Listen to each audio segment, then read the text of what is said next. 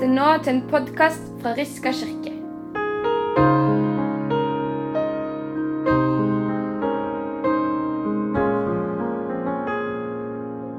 Og Det er en litt spennende tekst vi har i dag òg. For har du noen gang vært vitne til en sjokkerende handling? Ikke nødvendigvis kriminell eller noe sånt, men, men bare sånn fullstendig uventa. Utenfor den normale tankegangen. Noe ganske spesielt. Akkurat det var det disiplene var vitne til der i huset til søskenflokken i Betania. Sjokk, indignasjon, bestyrtelse. Hvordan i alle dager var det mulig å skusle bort så mye penger på nardusolje på én gang? Det er absolutt ingen grunn til å tro at Judas var den eneste som reagerte. Han var bare den eneste som høglytt ga uttrykk for sin overraskelse. De andre disiplene må òg ha tenkt at dette var toppen av sløsing. Og skal vi være ærlige, så hadde vi nok tenkt det samme noen og enhver.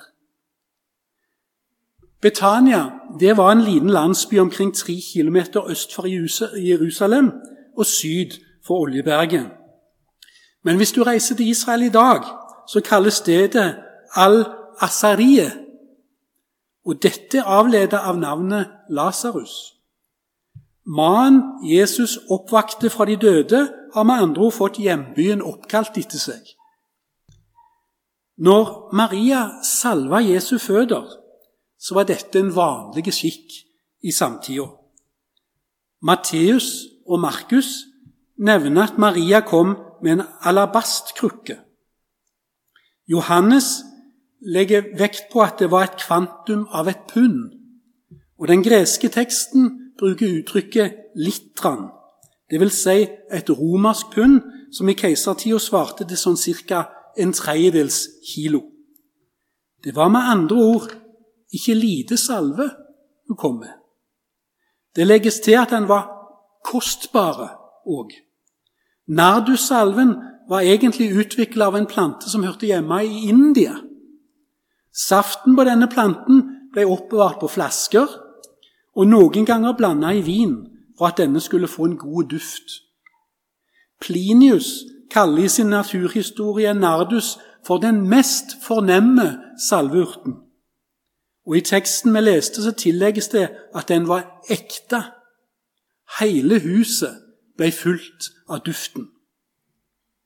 Og Dette er trolig den samme fortellingen som vi finner i Markus og i Matteus, mens historien om den angrende kvinnen i Lukas 7, det er en annen.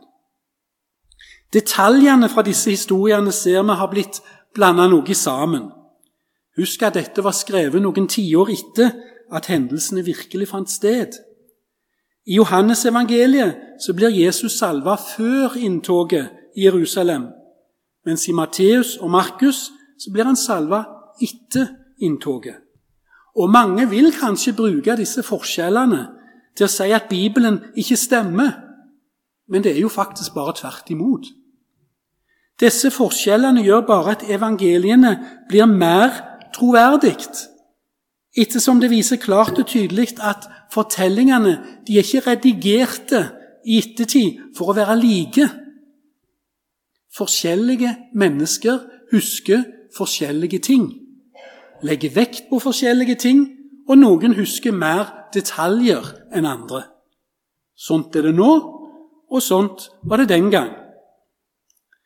To ganger i kirkeåret leser vi om at Jesus kommer ridende inn til Jerusalem.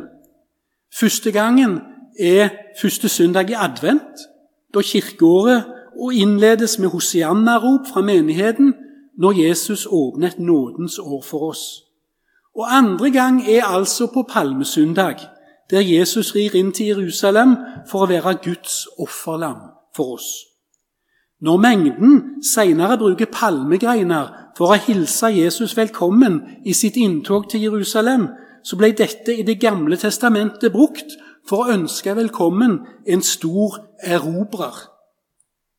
Eselfolen som Jesus rei på, er et symbol på fred, i motsetning til krigshesten. La meg òg kort forklare hvorfor det var sånn om å gjøre for saduseerne, altså øversteprestene, å drepe Lasarus. De trodde nemlig ikke på oppstandelsen. Siden Lasarus var et bokstavelig talt levende bevis på at liv etter døden er mulig, så trua det derfor deres teologiske system å ha en gående løs. For de så var det derfor bare én løsning på problemet. Det var å drepe han. I tillegg kom selvsagt det faktum at Lasarus var godt kjent etter dette underet. Og han trakk dermed òg folk vekk fra jødedommen og til Jesus. Det er for øvrig òg veldig tydelig at Jesus trivdes i hjemmet til søskenflokken der i Betania. Maria, Martha og Lasarus. Og det kan se ut som om Jesus hadde en slags base der. Teksten i dag den utfordrer oss på flere måter. Og Det er nok riktig å si at forskjellen på Maria og Judas danner grunnlaget for det. Det er ganske interessant å følge Judas sin reaksjon på det som skjer. Han var som nevnt den eneste som høglytt reagerte på at Maria brukte denne dyre salva. Én denar var på denne tida en dagslønn. 300 denarer, som denne salven var verdt, var med andre ord en årslønn. Denne historien er for øvrig den eneste utenom forræderiet som viser at, Judas virkelig hadde problemer med sannheten. Det kan se ut som han klarte å lure alle sammen utenom Jesus. Og hans eksempel lærer oss noe ganske så vesentlig. Vi har ofte en tendens til å vurdere folk ut ifra det ytre, det vi ser. Mange går rundt med en polerte fasade og skjuler sine problemer og sin karakter bak denne. Men Judas' eksempel viser òg noe annet ganske så vesentlig. De som ofte finner feil og mangler hos andre, og gir uttrykk for dette både høglytt og som sladder, er ofte de som har mest problemer sjøl. En kollega av meg for 25-30 år siden i Norge, får jeg legge til, var pastor, gift og hadde barn. Han var en veldig populær forkynner for mange kirker og organisasjoner. Og han var spesielt kjent for å advare, advare om seksuelle synder, sex før ekteskapet osv. Men det forhindrer han ikke til å ha et seksuelt forhold til sangevangelisten på møteturneer og andre plasser bl.a. på kontoret. Han skuffa mange, og det var nok en del pekefingre som da sa 'Se hvordan de kristne er'. En fin fasade kan gjerne skjule mye grums innvendig. Jesus kommer med et utsagn når Judas kritiserer ham. Et utsagn som kan synes veldig hardt og ufølsomt. Og det kan til og med oppfattes sårende. De fattige har dere alltid hos dere. For oss som jobber i slummen i Kenya, så er dette et såkalt understatement, en underdrivelse. Vi ser jo fattige hver dag, nesten bokstavelig talt vasse i dem. Det er en del av hverdagen vår. Men Jesus mener det jo slettes ikke negativt. Han holdt seg jo stort sett med fattige folk sjøl, og sa mange ganger at vi skulle hjelpe de fattige. Men poenget var jo at Judas slettes ikke mente at pengene skulle brukes på de fattige, men tvert imot på seg sjøl. Og han hadde nok mange forsvarsmekanismer som kunne rettferdiggjøre at han stjal fra kassen. Og En av dem var nok at han definerte seg sjøl som fattige. Han hadde andre motiver for å være nær Jesus enn å høre på Jesu forkynnelse. Han hadde altså stjålet penger ifra disiplene, nemlig fra den kassen som var ment for disiplenes underhold. Og I Lukas 8,3 så får vi vite at Johanna, som var gift med Kusa, en embetsmann hos Herodes, og Susanna og mange andre, med det de eide, hjalp de Jesus og de tolv. Med andre ord, vi kan godt si at Jesus og disiplene hadde personlige økonomiske sponsorer for virksomheten. Som jo for så vidt Marianne og meg òg har, sånn at vi kan drive virksomheten i Kenya. Uten sammenligning for øvrig, får vi vel legge til. Utenom sviket så er dette for øvrig den eneste plassen i Det nye testamentet der det er nevnt at Judas var en ond mann. Men igjen lærer vi altså noe smertefullt av Judas' eksempel. Det er som nevnt fullt mulig å ha en fin fasade, men være råtten innvendig. Det er ikke noen god opplevelse når vi oppdager at mennesker som i utgangspunktet trodde var både åndelig gode og menneskelig solide, viser seg å være det stikk motsatte. Slike opplevelser smerter og Judas må ha vært en kjempeskuffelse, ikke bare for Jesus, men òg for de andre disiplene som hadde vært sammen med han og stolte på han disse åra. Og hvor mange mennesker kan ikke fortelle om at kristne har skuffa dem? Det kan helt sikkert i mange tilfeller skyldes misforståelser, men det er veldig trist når mennesker snur seg vekk fra Jesus fordi kristne har svikta. Det nytter da lite å si at han eller hun må se på Kristus i stedet for de kristne. Skaden er allerede gjort. Så jeg tror at det er viktig at vi som kaller oss kristne, ter oss på en måte som gjør at andre ikke tar avstand fra kristendommen og Jesus på grunn av deg og meg. Det betyr selvsagt ikke at vi ikke skal være tydelige. Men det, alltid, men det er alltid sånn at måten vi sier ting på, kan være avhengig av om det vi sier, blir mottatt på en positiv eller en negativ måte.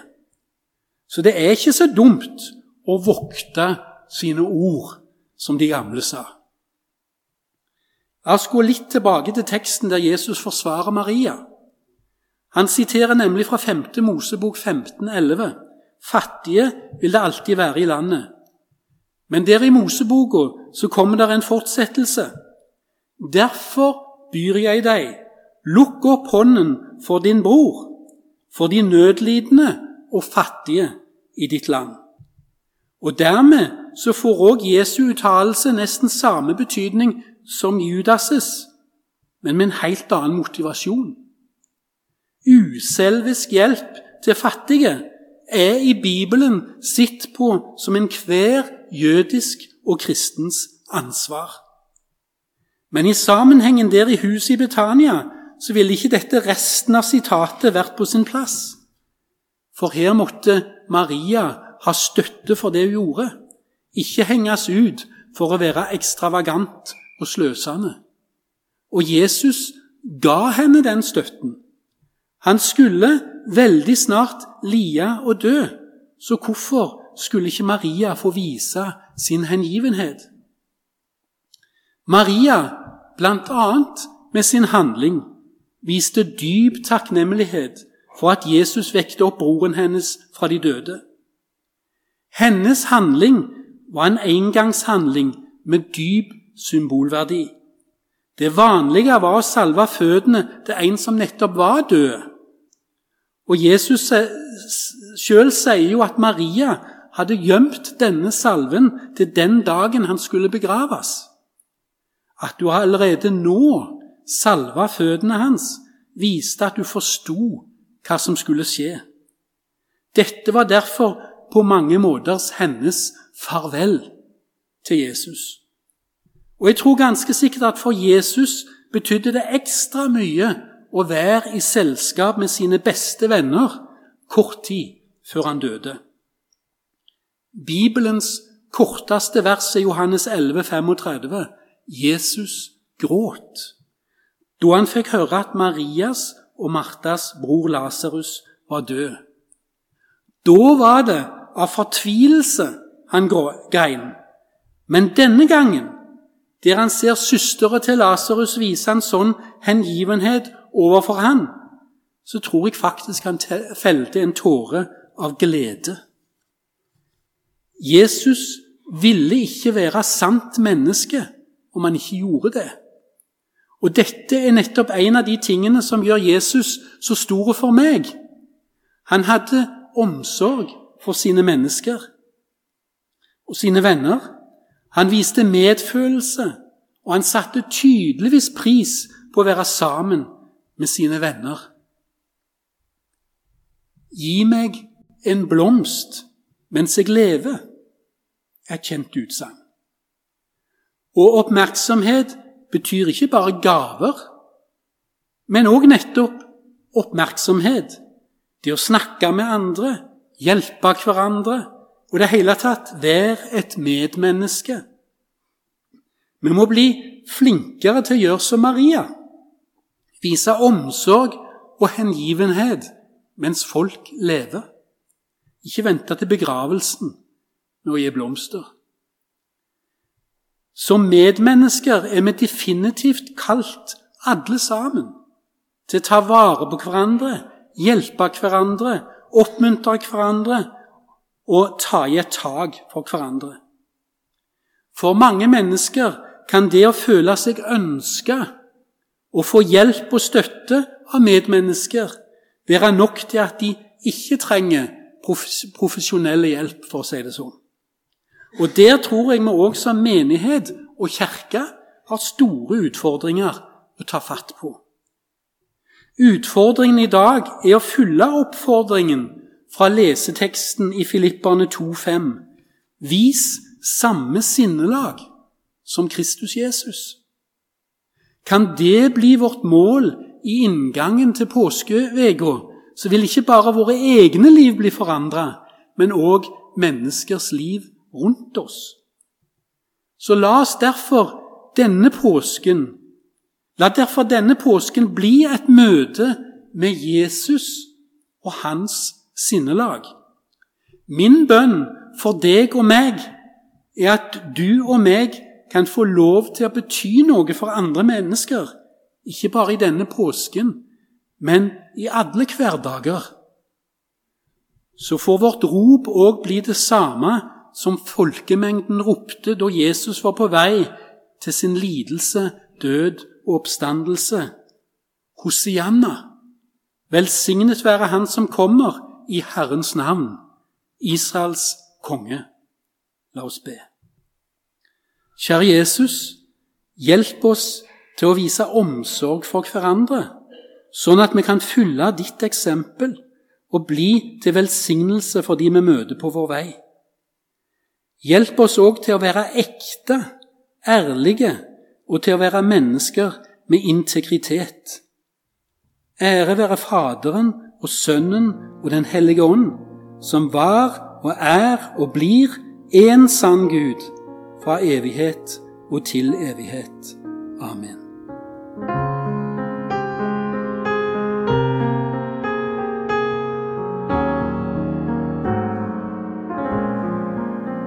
Har lytta til en podkast fra Riska kirke.